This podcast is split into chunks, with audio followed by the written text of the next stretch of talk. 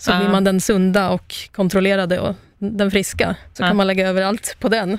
Jag vet varför jag är öppen för det mesta, eller varför Mm, är det jag så? har Ja, tidigare men då så. varit öppen Aha, för det behöver mesta. inte mig. Förklara. Om man har haft en bra relation till sina föräldrar så kan man absolut dras till personer som är lik dem. Det låter bara så skevt. Så här. Jag letar efter någon som är som min pappa.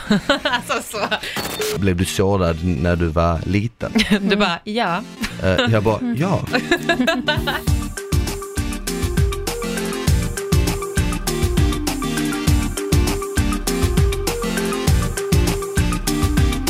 Ja, Smile då är tillbaka igen. Mm. Eh, och idag är vi inte själva. Nej.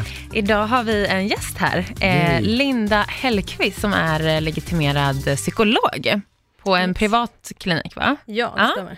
Så vi tänkte att vi eh, idag skulle liksom passa på att fråga lite frågor kring alltså psykologin bakom sex. Exakt. Ja. Det är alltid spännande när man pratar med en psykolog. Ja, Vad är det första du får höra när du säger att du jobbar som psykolog? Klassiska, särskilt på kvällstid, är väl att folk tror att man kan läsa deras tankar. Du kan inte det va? Eh, sådär. men har man ändå ett bra, alltså, för det blir väl ändå som att du typ kan läsa tankar fast du vet, alltså för att du vet hur folk fungerar liksom.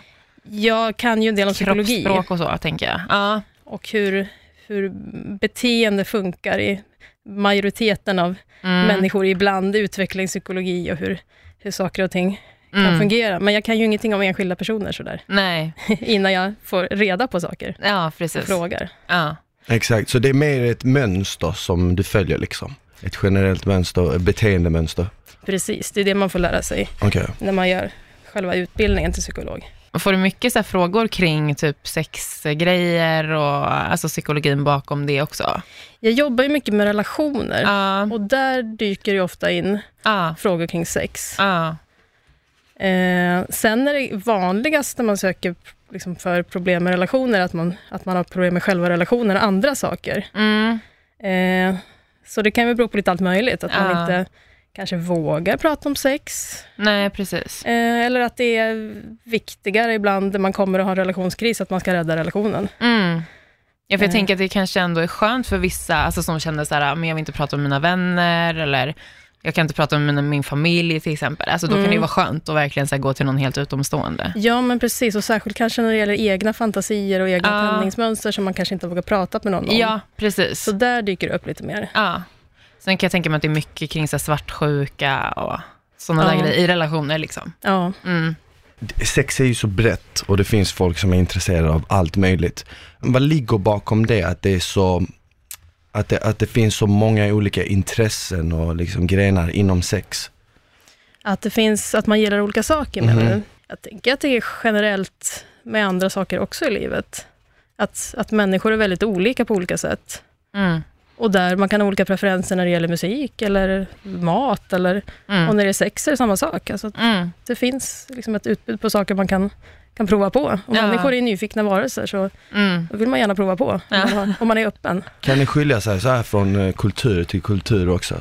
Är det typ, alltså kan man säga att i, i Sverige har man eh, ett typ av sex som skiljer sig väldigt mycket från en annan typ av kultur? Eller är det mer individen?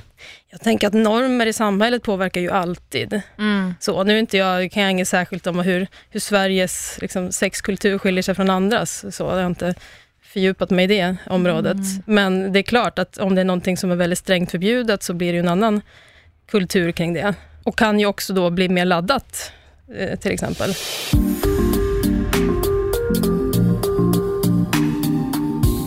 Varför blir så många kåta av det förbjudna? Va- vad är det för psykologi som ligger bakom det? Ja, det är en jättespännande fråga. Mm. Eh, och en ganska stor fråga, tänker jag. Mm. Eh, jag alltså, grundläggande tänker jag så här, att vi är eh, nyfikna varelser från början. Mm. Eh, och tittar man på små barn, alltså allt som är förbjudet är ju jätteroligt. Ja. Så. Vill man att liksom, en tvååring ska gå till någonting kan man ju säga, gå inte dit. Eller ta, Mm. om man tar leksaken från ett litet barn så vill de ha den ännu mer. Ja, precis. Ja. Kan, det, kan det vara därifrån det utvecklas? Liksom? Ja, jag tänker att det finns med någonstans. Alltså att det, Mm. det är liksom en övergripande tendens hos människor. Ja. Att vi är, liksom, vill pressa olika gränser och vill upptäcka nya saker. För vi, vi drivs åt det hållet. Och sen en annan sak som jag tänker är eh, hänger ihop med det att, alltså att spänning och intresse, de känslorna är väl ganska lika varandra. Så att när man, liksom exempel, åker berg och dalbana eller någonting annat, att, att vara lite rädd gör samtidigt att man kommer närmare och blir lite gladare och mer uppspelt. Och de sakerna tänker jag också kan trigga varandra i en sexuell situation. Att är man lite rädd för att, har man sex på en offentlig plats och är lite rädd för att bli upptäckt, Mm. så blir man också lite mer upphetsad. Ja. Okej. För rädslan och intresset, de ligger nära varandra i aktivering i själva kroppen. Mhm. Fysiologiskt så drar de Mm. igång. ja, det är sant. Det är logiskt. Ja, precis. Ja. Men är det samma sak när någonting blir lite så här tabu och någon säger att det är förbjudet? Blir det samma intresse sak där liksom? Ja, jag tänker så. Mm. Att man är lite, lite rädd för att göra det. Okej. Mm. Man kanske föreställer sig att någon kommer på en eller att man går emot sin egen bild av sig själv kanske. Men jag är Mm. inte en sån som, som är undergiven i de här situationerna. Mm. Och då blir det en slags aktivering som, som också rädslan driver på intresset. Ja, för jag tänker också så här i relationer, alltså typ vem man blir eh, attraherad av. Eller så här, vi säger att man har en vän som Mm. har en partner. Mm. Då kan ju det ofta också vara en grej som så här, ja men jag skulle vilja eh, ha sex med den här personen. Bara för att det är också tabu, det är ju Mm. förbjudet liksom. Mm. Så tror jag det är många som tänker. Ja. Alltså så här att man skulle vilja testa det bara för att det är absolut inte okej Ja, liksom. alltså jag får en Mm. känsla av att det kanske finns typ två olika läger. Det finns de som har den här viljan av att eh, upptäcka Mm. och gilla kanske den här lilla känslan av, för jag, jag personligen tycker det är lite nice när man är nervös. Mm. Jag, tycker, jag, jag gillar Mm. nervositet. Men sen så finns det ju vissa människor som verkligen kanske undviker allt sånt och vill vara i safe spot. Och kanske har typ samma sex livet ut. Och helst föredrar att ha, ja men en partner livet ut. Medan det Mm. finns andra som är motsatsen och eh, Mm. vill träffa jättemånga olika och vill prova på jättemycket olika och kan inte vara på ett och samma ställe. För, Mm. För jag tänker det beror också på vad man har för nivå av, vilken nivå av stimulans man behöver, Mm. utifrån vilken personlighetstyp man är. Jag tänker bara på det här liksom klassiska extrovert och introvert. Mm. Att vissa Ja. behöver mer yttre stimulans och vissa kan upprätthålla den stimulansen i sig själv. Ja. Så att den, den extroverta kanske står och tittar på och tycker att det verkar jättetråkigt eh, med det som den introverta gör. Mhm. Men likadant Mm. med sex, att vissa behöver hela tiden förändra saker i det yttre ja, och andra kan göra mer saker inombords och uppleva att det här är visst spännande. Mm. Jag gör samma sak som jag brukar, men för mig är det tillfredsställande och, och intressant. Ja, ja. Ja. ja men precis, det är jätteindividuellt hur folk, Ja. alltså vad man tycker är tabu också, är också Mm. väldigt så här, Ja, men verkligen. eget liksom. Sen, sen finns det ju också som du sa det här med stimulans. Alltså Mm. när man har provat på någonting, Mm. då blir ju inte det längre tabu, då kanske det blir lite Nej, normalt. Så man vill hela precis. tiden pu- Ökar på pusha, den här, stegen. eh, pusha den här ribban. precis. höja. Jag tänker också på så här, eh, ja men typ om man kommer in på så här fantasier och rollspelsgrejer och sånt till exempel. Mm. Alltså det är ju vissa som har en så här, eh, att de går igång på att typ leka våldtäktsman och, alltså du Mm. vet att man ska bli våldtagen typ, när Ja, det kommer till den nivån. Jag har hört, jag vet inte om det här är sant, men jag har läst Mm. att en av de största sexfantasier som kvinnor har är att en eh, främmande man eh, våldtar dem. Tror du att det ligger någon sanning bakom det? Eh, jag vet ju inte statistik och sånt där, vad som är vanligast. Men det är klart att fantasier om makt är ju väldigt vanliga. Och tänker jag, både tabu åt, åt alla, alla möjliga håll, tänker jag. Att, att som Mm. kvinna eh, vara underlägsen en man och särskilt då om det är liksom våld i det, Mm. så tänker jag att, att det är en vanlig fantasi. Tror du att det kan ha någon koppling att göra till att, eh, vi säger nu en tjej som växer upp och inte får så mycket kärlek av sin pappa. Tror du att det kan senare i, synas i sexlivet? Som man brukar säga så här, typ daddy issues eller något sånt. Jag tänker att det mesta syns i sexlivet, eh, men att det inte alltid är så enkla samband som man tänker sig. För jag tänker som det här med att en vanlig sexfantasi, att leka med makt på olika sätt. Så tänker jag, om man tänker det här med en, en tjej som blir våldtagen, om att ha det som en fantasi, som ju inte alls behöver betyda att man på något sätt vill det i verkligheten, Nej. utan att det är en, en just fantasi. Mm. Så tänker jag, är, kan det ju vara en lek med det här liksom, traditionella, liksom vad som förväntas av en kvinna traditionellt, Mm. eh, vad som sen, liksom, genus och kvinnans frigörelse, att vara självständig, att, att det är ju en lek med många olika aspekter, Mm, tänker mm. jag. Snarare än att det behöver vara någonting liksom på något sätt sjukligt eller något som kommer med, Ah. med barndomen. Okej, okej. Eh, Ja, för det, det jag tänkte fråga, så här, alltså fantasier behöver ju inte betyda att, att det är någonting man vill i verkligheten. Nej men det Alltså- tror jag inte. Jag menar det finns jättemånga som eh, kanske kör ett rollspel eh, Ja, nästan som läkare eller något sånt. ja. Och så är det en Mm. patient. Mm. Men de vill kanske inte vara en läkare eller patient. Utan det är kanske mer en, eh, en roll man vill gå in i. Bara Ja. för att det är en situation när man kommer till en läkare så är det väl det sista man ska tänka på är sex. Men så Mm, blir det ju att man vill leka med den tanken och Ja. faktiskt leda, att det leder till sex. ja. Men det Mm. känns så jävla skevt. Alltså, man tänker ju att fantasier är någonting som man vill ha i verkligheten. Alltså, förstår du vad jag menar? Aha, du menar... Man ja. tänker här, fantiserar man om någonting, då är det väl någonting jag vill ha. På riktigt, typ. aha. Men det är ju inte så. I- Tänker att det kan vara till och med tvärtom. Mm. Att har man, har man det i fantasin så kanske man inte behöver göra.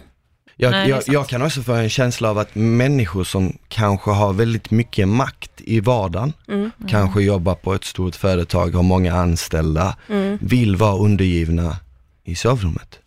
För det är där de får eh, den här känslan av hjälplöshet, för att de har så Mm. mycket makt i vardagen. Och tvärtom. Mm. Så kan det vara. Att man kan, och säkert om man vågar, för jag tror att det mycket, handlar mycket om det. Mhm. Att till och med fantisera, att, att våga tänka sig någon annan roll. Och kanske kan man tänka sig då att om man har mycket makt och har det mycket i sin vardag, så kanske man kan våga leka med tanken att inte ha det. Det är exakt. Mm. Så. Jag tänker på så här, hur funkar attraktion till människor? Alltså det är också Mm. lite inne på det här med att man har olika typer och allt sånt där såklart. Men vad är det egentligen som händer liksom i kroppen? Har du något svar på det? Eller förstår du hur jag tänker? Rent fysiologiskt, tänker du? Ja, alltså så här, varför, vad är det som gör att man attraheras av olika saker? Och det är, jättes, för det är ju en, en jättestor fråga Ja. och, och bred. Mm. Eh, allt ifrån, alltså om, man, om man tittar rent på utseendemässigt, så har ju forskningen visat olika saker. Ja. Vad som generellt är attraktivt. Som symmetri till exempel. Dofter håller man på att forska jättemycket på. Ja, olika feminina, maskulina drag som man kan se i olika studier att folk fastnar för. Det är med som, symmetri har jag hört. Mm. För när de gjorde en studie med massa eh, barn som Mhm. fick kolla på en hel del bilder och så drogs barnen till det ansiktet som var mest symmetriskt.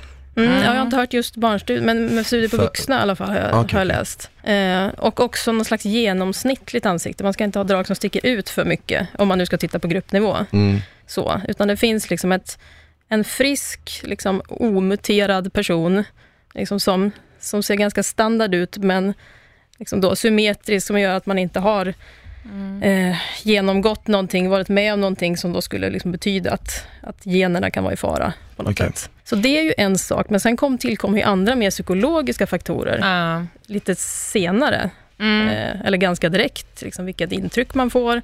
Känner man igen någonting hos personen, som ofta sker ganska omedvetet. Mm. Att man kan känna sig väldigt hemma med någon väldigt snabbt. Eh, och man kanske inte riktigt kan sätta fingret på var, var det är. Ja. Finns det någon psykologisk effekt på omvärlden? Som, alltså, liksom tv, sociala medier, påverkar det oss på något sätt vad vi eh, börjar dras till mer sexuellt? Som att man typ tror att man är attraherad, Nej, men eller så här präntar in att man bör Ja, men jag till exempel så har jag, lä- Mm. jag har läst att eh, sociala medier, Mhm. ehm, för att det tar upp så mycket av ens tid och sen så eh, blir det väldigt, väldigt mycket baserat på bekräftelsebehov. Mm. Att det har egentligen gjort att folk har mycket mindre sex. Mm. Och eh, för att man behöver inte träffa andra utan man får den här bekräftelsen genom att någon likar ens bild liksom. Mm, okej. Och att det har Mm. ändrats folk, folks sexuella vanor. Mm. Mm. Så jag tänker, finns det någon koppling liksom med omvärlden och eh, alltså psykologin på det? Jag tänker omvärlden rent... Alltså man betingas ju på olika saker. Mm. Om man hela tiden ser en liksom, reklamaffischer med ett visst typ av utseende, Mm. så lär man ju sig att det här är snyggt. Ja, precis. Det blir som att det blir inpräntat, eller så här påtvingat nästan. Okej, okej.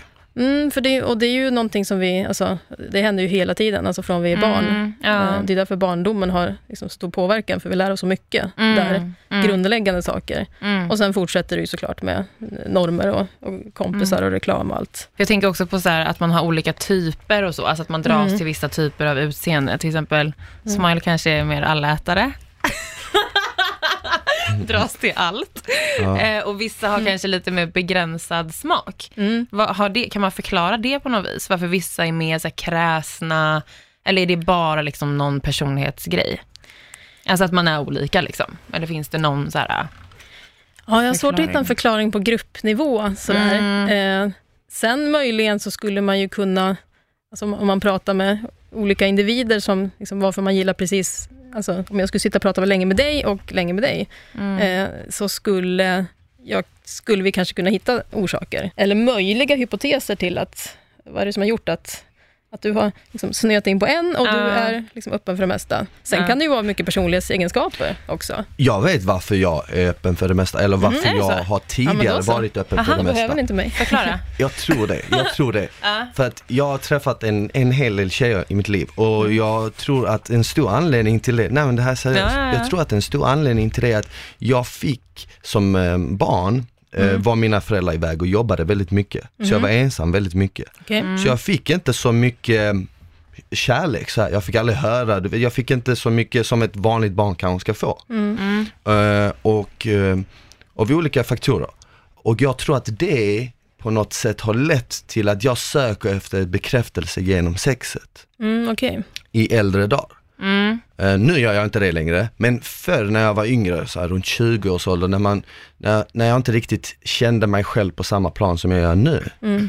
eh, så trodde jag att sex var lösningen. Mm. Och det var en lösning för stunden, men det var inte, det var inte bra i det långa loppet. Mm. För att det slutade med att man kände sig egentligen mer ensam när man väl var ensam Mm. igen. Mm. Så, eh, så jag kan liksom på så sätt har jag kunnat leda tillbaka det till barndomen. Mm. Att, på något sätt att din hunger var så stor så att du kunde tänka dig Ja, men- olika. Allt, Ja. allt möjligt.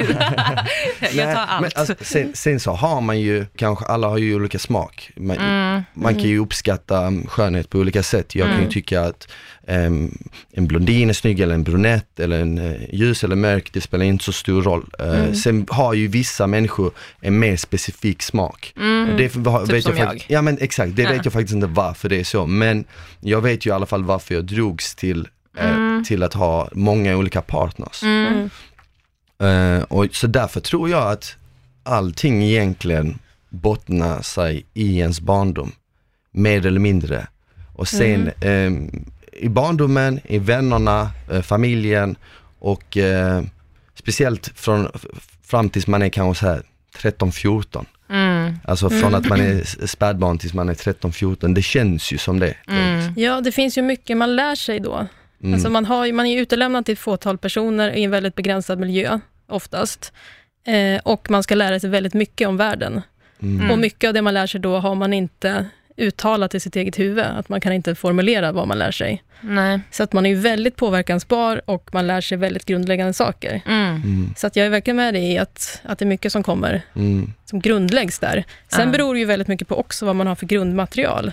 Alltså är man en till exempel öppen person som är ganska extrovert, eh, då har man ju en bättre förutsättning för liksom, att vara allätare kanske. Träffa Mm. mycket personer, vara glad i det, tycka att det är roligt, prova på saker. Mm. Så att det, finns ju, det går ju ihop det här med klassiska arv och Ja. miljö. Mm. Ja, jag tror också det är nyttigt om man vet varför man gör som man gör. Mm. Alltså om man kan eh, spåra tillbaka det på något sätt, typ. Mm. Som- Man gör en liten så här soul search. Eller hur? Men Mm. typ på något sätt hitta varför man gör som man gör. För att man har ju hört typ, nu vet jag inte om det här stämmer, men till exempel barn som växer upp med, eh, utan syskon Mm. blir oftast senare väldigt typ bortskämda. Har, har du inga syskon? Nej. så, se, blir senare väldigt bortskämda för att de är så vana vid att få allt. Mm. Eh, Medan typ eh, barn som får ett syskon när de är små blir väldigt svartsjuka senare i livet för att de har fått all uppmärksamhet, sen får de ett syskon Mm. eh, som får all uppmärksamhet och så blir de, så utvecklar det någon typ av svartsjuka. Ja, Mm. absolut. Det kan absolut spela in. Även fast det inte är så enkelt som att alla, alla som är ensambarn blir ju inte per Nej, definition. såklart inte. Men man behöver ju kanske söka sig mer aktivt till olika situationer där man behöver samarbeta med andra. Så att har man föräldrar som låter en liksom ta väldigt mycket plats och så fortsätter man med det med skolan och med kompisar och så finns det ju ingen som stoppar en. Man lär sig aldrig det. Men har man syskon så får man lära sig det lite automatiskt, till Mm. exempel. Det är många som pratar om att så här, man dras till en typ som är som någon av sina föräldrar. Mm. Vad har det att göra med? Eller stämmer det ens? Att det är så här, man letar efter egenskaper som typ sin pappa har eller sin mamma har. Alltså du vet. Ja, det... Inte som allomfattande förklaring, men Nej. jag tänker att det stämmer i viss grad. Mm. Just eftersom man, om man har haft en bra relation till sina föräldrar, så kan man absolut dras till personer som är lik dem, som man har lärt Det sig bra. låter bara så skevt. Så här. Jag letar efter någon som är som min pappa. alltså så. Men finns det inte Men- någonting som heter typ um, så här Oidipuskomplex eller något sånt? Jo, från Freud. Vad betyder Vad är vad det? står det för att man, man, att en kille som är kär i sin mamma eller något sånt? Är det inte något sånt? Det, Ja, det kommer ju från en gammal myt mhm. om, om en som, som då, eh, visserligen av, av misstag här, eller av ovetandes, eh, dödar sin pappa och gifter sig med sin mamma. Oj, Exakt. Eh, jobbigt läge. Freud hade ju liksom kring 1900-talets början där, Mm. liksom, teorier om att, att alla liksom, ville liksom, vara i en sån fas. Nu kan inte jag den där liksom, Nej. toppen bra, för den har liksom försvunnit ut lite, att den har blivit o, inte lika uppdaterad. Nej. Men frågar man en psykoanalytiker så, så tänker man mycket i de vanorna. Mm. Letar du efter någon som är som din mamma? Nej, men jag gillar ju vissa drag Ja. som, Mm. eh, som jag har sett. Alltså du vet, man vill kanske ha en partner som jobbar hårt och Mm. eh, tar hand om familjen och sånt. Men det tror jag bara är en, alltså, man, man kanske tar med sig de fina dragen och letar efter dem Mm. hos en partner. Ja, Och ja sen precis. sållar man bort det man inte tyckte ja, om. Det är inte så att man letar efter en kopia som sin förälder. Det Nej. vore ju lite Så det, jag tror att, jag tror att, jag tror, jag har aldrig hört det att man letar efter någon som sina föräldrar. Men jag Har du inte? tänka- Nej faktiskt inte. Nej. Men jag tror också det beror på hur man växte upp. Mm. Så un, under vilka förhållanden. Ja, ja, såklart. Om ja, man kan ju också leta hårt efter någon som in, absolut inte är som ens förälder. Ja, Om man liksom handlar åt andra hållet. ja, om det har varit lite destruktivt och så. Eller Ja. lite tufft liksom. Och Sen kan det vara så komplicerat att man gör det liksom medvetet och samtidigt så känner man igen sig i det som är destruktivt. Ja. Och så dras man till det ändå. Mm. Så att det är många, ja, det är många saker som är ja. igång samtidigt. Men sen är det väl många som dras till just destruktiva grejer. Eller jag vet inte, jag har gjort det. Eller jag gör det. Jag dras ju till saker som är typ... Ja, varför, gör, varför gör folk det? det Ja, jag tycker också det är så jävla spännande. Så På vilket sätt? Eh, nej, men om man säger att man letar efter en partner, eller Mm. man kanske börjar dejta någon eller så här. Mm. Och man märker tidigt kanske att det är eh, mycket typ eh, bråk, eller det är mycket issues med någonting. Den här personen kanske mår dåligt i sig själv. Mm. Alltså vad är det som gör att man dras till sånt som man vet är egentligen dåligt för en? Kanske. Det kan ju vara olika saker. Det kan ju vara, apropå det som jag var inne på, att man känner igen det. Alltså har man liksom en bakgrund till exempel där man har haft lite stökigt, så Mm. kan man känna sig trygg i det, för man vet vad man ska göra. Ja. Man har en viss roll i det. Mm. Sen kan det vara motsatt, att man har saker i sig själv som man inte riktigt har koll på. Eh, och då kan det vara ganska lätt att hitta en partner som gärna då lever ut lite, lite mer än en själv. Så Ja. blir man den sunda och kontrollerade och den friska. Så Ja. kan man lägga över allt på den. Och Så det är ju du- bara två exempel så, eh, utan att liksom gå in Nej, närmare precis. på. Behöva. Vad skulle du säga? Ja, men Jag, tänkte menar så- inte att det är så nu, jag menar att jag Ah, har okej. varit så tidigare. Ah, okej, att jag har okej. sökt saker som jag vet är dåligt för mig. Inte sökt, Fan, men jag har spännande. dragits till det typ. Men det är kanske så som du sa eh, Lina tidigare, att hon har Mm. Frida kanske har dragits till det för att det ligger någon rädsla bakom det. Att, att träffa en sån person som är lite destruktiv, det är lite farligt. Och kan det vara något sånt kanske? Ja, det kan ju vara så väldigt mycket. Ja. Mm. Alltså allt ifrån liksom någonting som är liksom djupare i en själv, liksom om man liksom på något sätt år efter år träffar, man tror att man träffar personer som, som liksom är sundare, men man upptäcker att ja, men det här var ju också en person som, liksom, som jag får ett destruktivt förhållande med. Mm. Eh, och då har man ju ofta hamnat i något relationsmönster som, som, man, som går djupare och man kan behöva titta lite på, Ja. för att få lite insikt i hur man kan... Är det lätt att förändra sånt, tänker jag? Alltså så här, om man har hamnat i ett väldigt så här, tydligt spår, Mm. är det lätt att få folk att liksom bara så här börja, alltså helt vända om? Och typ så här, nu ska jag börja vara med någon som bara är bra. Alltså så. Nej, inte lätt, Nej. men möjligt. Mm. Men det är ju liksom mycket sånt, sånt jobb som jag gör i terapi. Mm. Så att man ska ju både vara motiverad till det, se fördelarna med det, Ja. och sen vilja jobba liksom, fokuserat med det. Mm. Eh, men det, det är ju intressant att se hur man faktiskt kan då byta typ. Alltså från att man har dragit sig någonting som har varit destruktivt Ja. och inte känt någonting för de här som man annars har tyckt varit liksom trista typer, Mm. eh, till att man plötsligt kan börja få en attraktion för dem. Eh, och det är, ju, ja, det är ju häftigt på ett Ja, verkligen. Mm. djupare plan. Mm.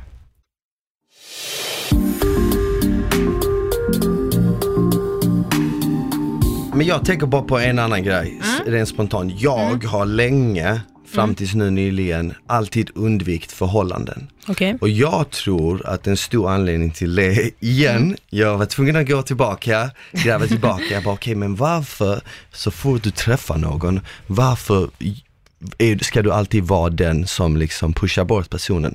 Och då tänkte jag så här, när jag var 14-15 så var jag kär i en tjej som senare visade sig inte ville ha mig. Okej.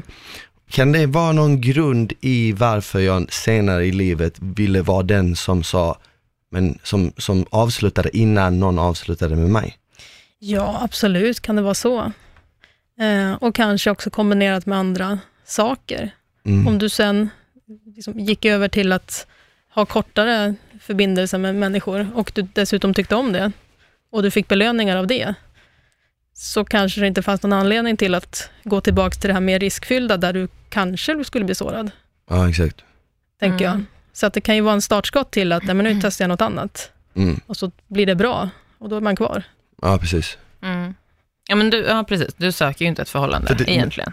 Eller? Nej, men, inte så liksom så att Nej. du känner så här, jag suktar efter att bara ha en som jag ska vara med. nej, nej, verkligen inte. Men Nej. innan var jag ju väldigt anti, nu, nu är jag mer öppen för det, händer det så händer det, men Mm. innan var jag väldigt stängd. Du bara så pushade bort även det, när typ. möjligheten för att det skulle hända, så Mm. stängde jag liksom.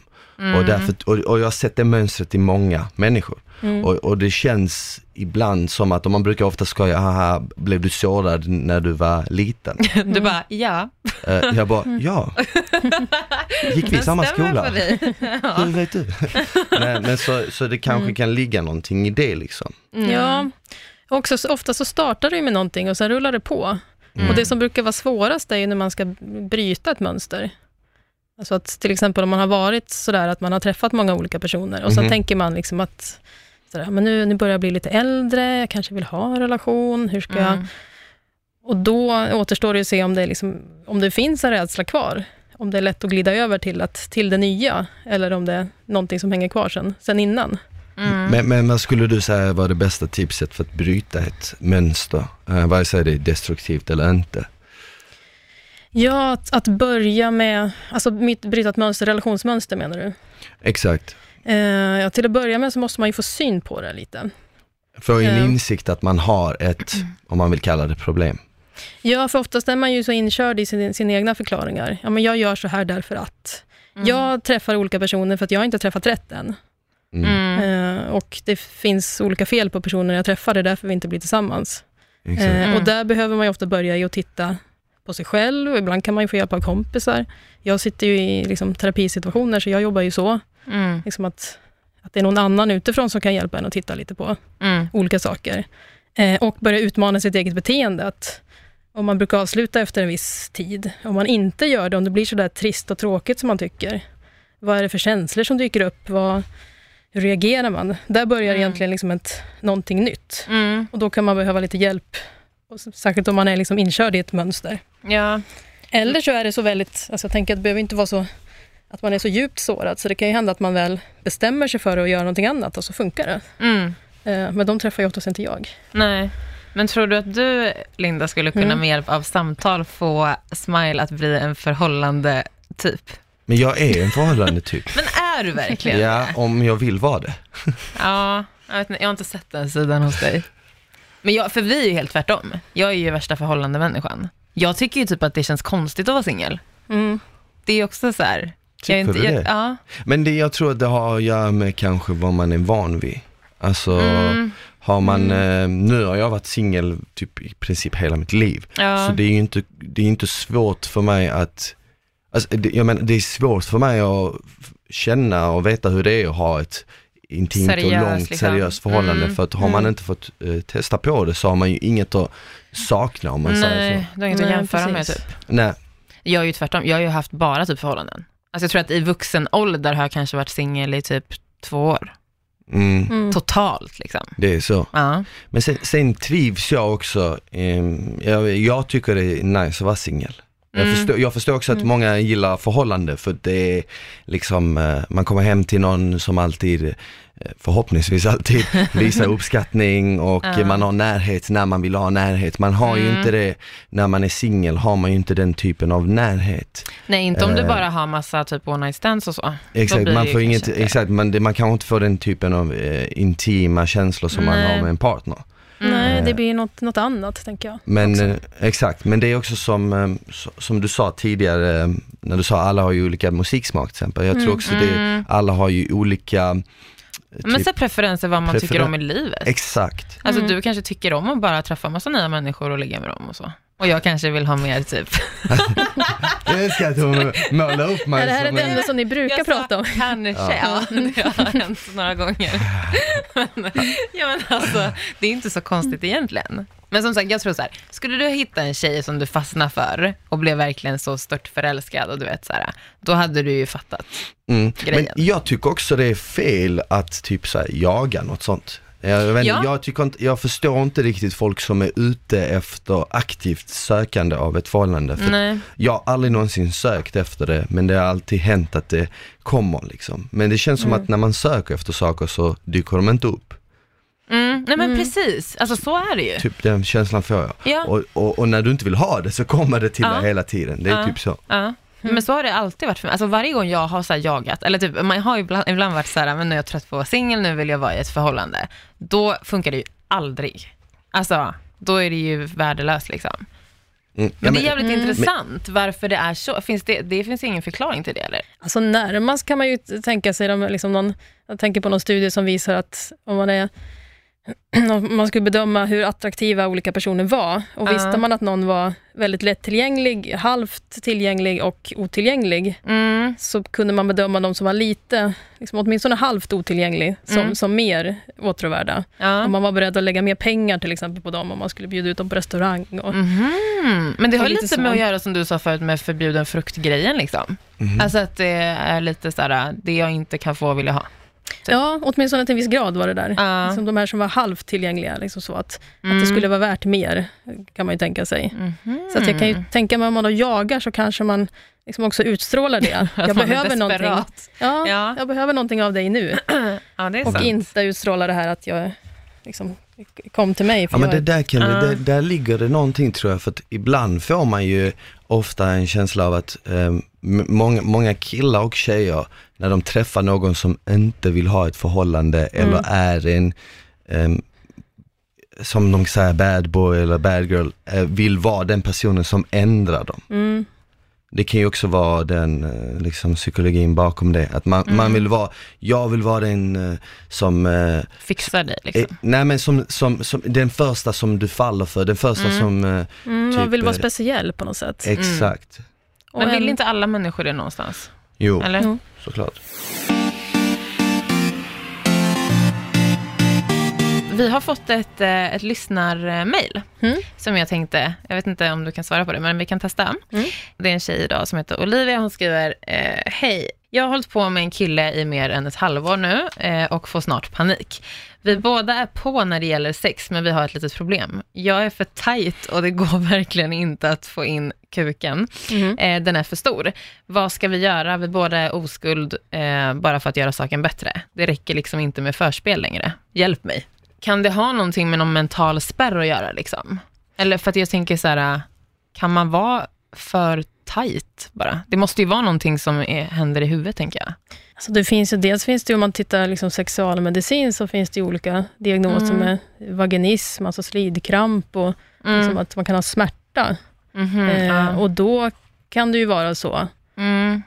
att, att, att det gör ont. Nu vet du, framgår ju inte det där om det, om det är det nej, läget. Nej, nej, hon skriver bara att det är för, för tajt. Och jag tänker att, och det är väl mer ovanligt, tänker jag, att det är något medicinskt. Så, nu, nu är Mm. inte jag, alltså jag är ju inte läkare, Nej, så, men jag tänker att, att, liksom att, att själv liksom undersöka sig själv och vara, liksom, onanera och vara, försöka liksom komma, Mm. komma till rätta med det den vägen, mm. Är väl Ja. en bra början, eller söka hjälp, alltså gå till liksom, vårdcentral eller barnmorska, eller, Mm. Ja, det låter väl Om man- sunt.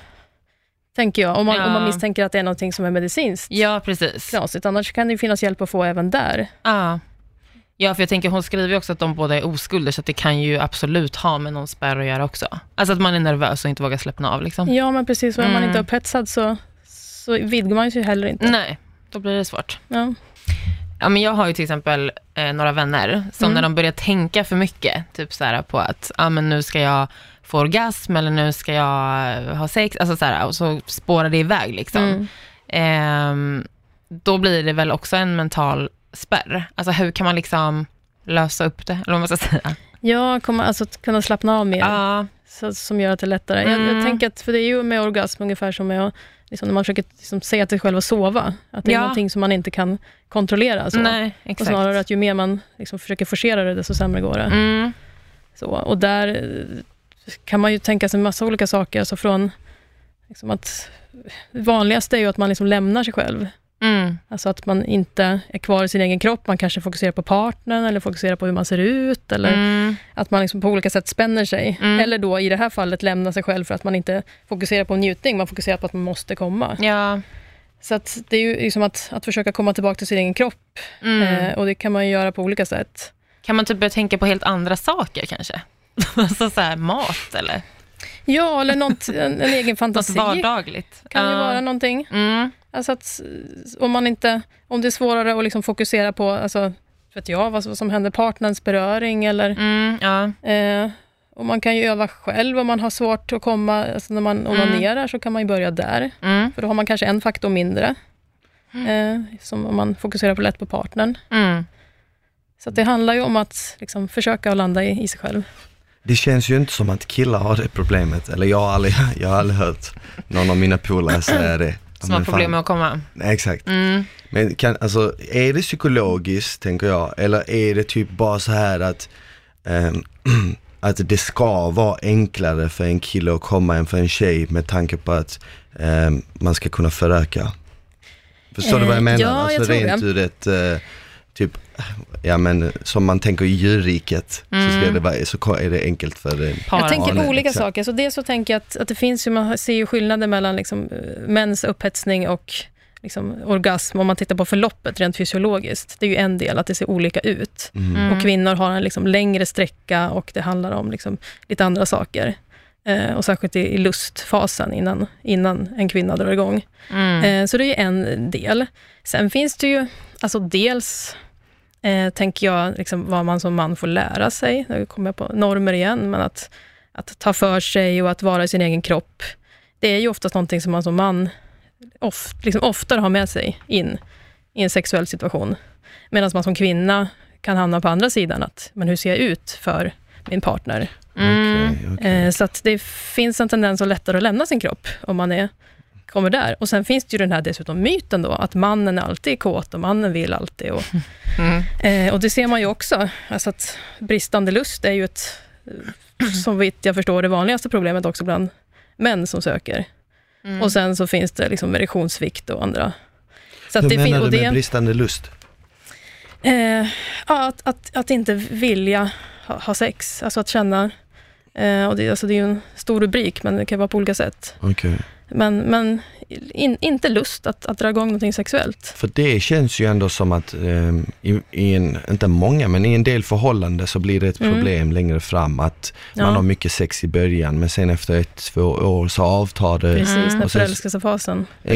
Exakt. Och Mm. har det att göra med att förälskelsefasen har försvunnit? Eller kan det vara andra, för, för att man, man kanske älskar sin Mm, eh, absolut. partner lika mycket, man tycker om varandra lika mycket men man har inte samma sexliv. Och det i sin Mm. tur leder till att man glider ifrån varandra. Ja. För i, alltså I förälskelsefasen får man ju en kemisk puff, Mm. som gör att det, att det kan rulla på ganska automatiskt. Mm. Eh, och det som händer sen är att det där försvinner.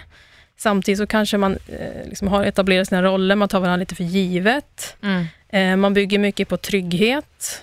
Och där den här tryggheten finns, så balanserar den ofta ut det här med, med passion och det här oförutsägbara, att man inte äger sin partner och man vet inte riktigt vad som händer. Mm. Eh, så de där står ju ofta i kontrast till varandra, liksom den här tryggheten som ju också behövs, Ja. men, och den här spänningen som finns i sexualitet. Mm. Så där börjar ju liksom det, avancerade jobbet. Hur ska man Mm. hålla liv i bägge två? Går, Ja, hur ska man går, göra det, ja, exakt, går det att rädda något sånt eller är det liksom så här när det har blivit, när man har kommit till den fasen så är det, då är det liksom, då, Kört. då är det kört, då får det vara. Eller går det att liksom få tillbaka den här glöden man hade i början? Det är ju sällan kört faktiskt. Okej. Eh, och Känns det går. höra. Eh, men det kan vara bra att just vara lite medveten om de här sakerna. Mm. Och som par. Och det man ofta hamnar i är att man skyller på varann. Ja. Eh, och då är man ju en destruktiv spiral. Så man behöver ju ofta kliva ur den, titta på problemet tillsammans och se vad behöver man göra. Man kanske umgås dygnet runt jämt. Mm. Man kanske tror, inbillar sig att man äger den andra. Det kanske räcker med ibland att man har lite egen tid ja. eh, och sticker iväg på olika håll och börjar längta efter Och sin partner. liksom, ja precis. Så det finns ju liksom lösningar och ett av dem kan vara att man kanske, ja men börjar sakna sin partner lite mer, att man Mm. spenderar lite mer egen tid. Mm.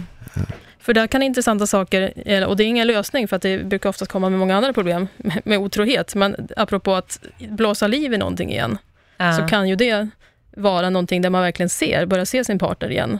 ja. Eh, sen så tänker jag så är det ingenting att rekommendera som en lösning som sagt var, för att det, det, blir, det blir väldigt slitsamt och det är inte alltid man kan rädda ett förhållande efteråt, även om man ens försöker, för att man kan inte eh, liksom, upprätthålla den där tilliten. Mm. Och så Ja. man är ifrån varandra och så. Ja men det känns ju lite konstigt, ett förhållande handlar om att komma närmare varandra och så här kommer man till ett steg där man ska Mm. gå ifrån varandra lite. Ja. Det Mm. blir lite så här, hur, hur, hur, hur räddar man det här?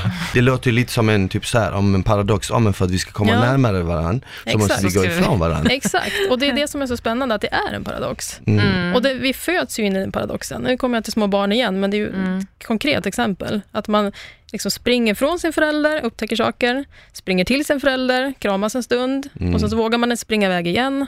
Ja. Och ett liksom, idealiskt Ah. förhållande, tänker jag, är så.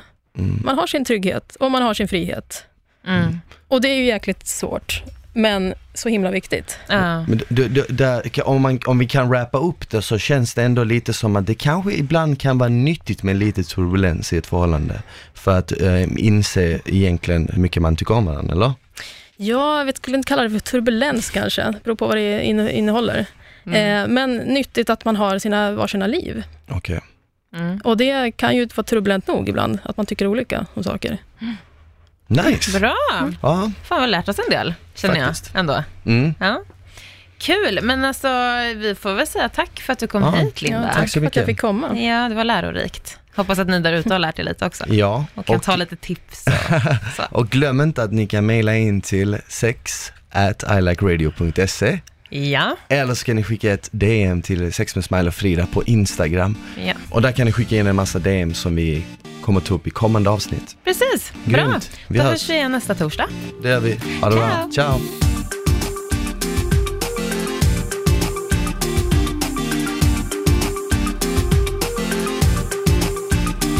Produceras av I Like Radio. I like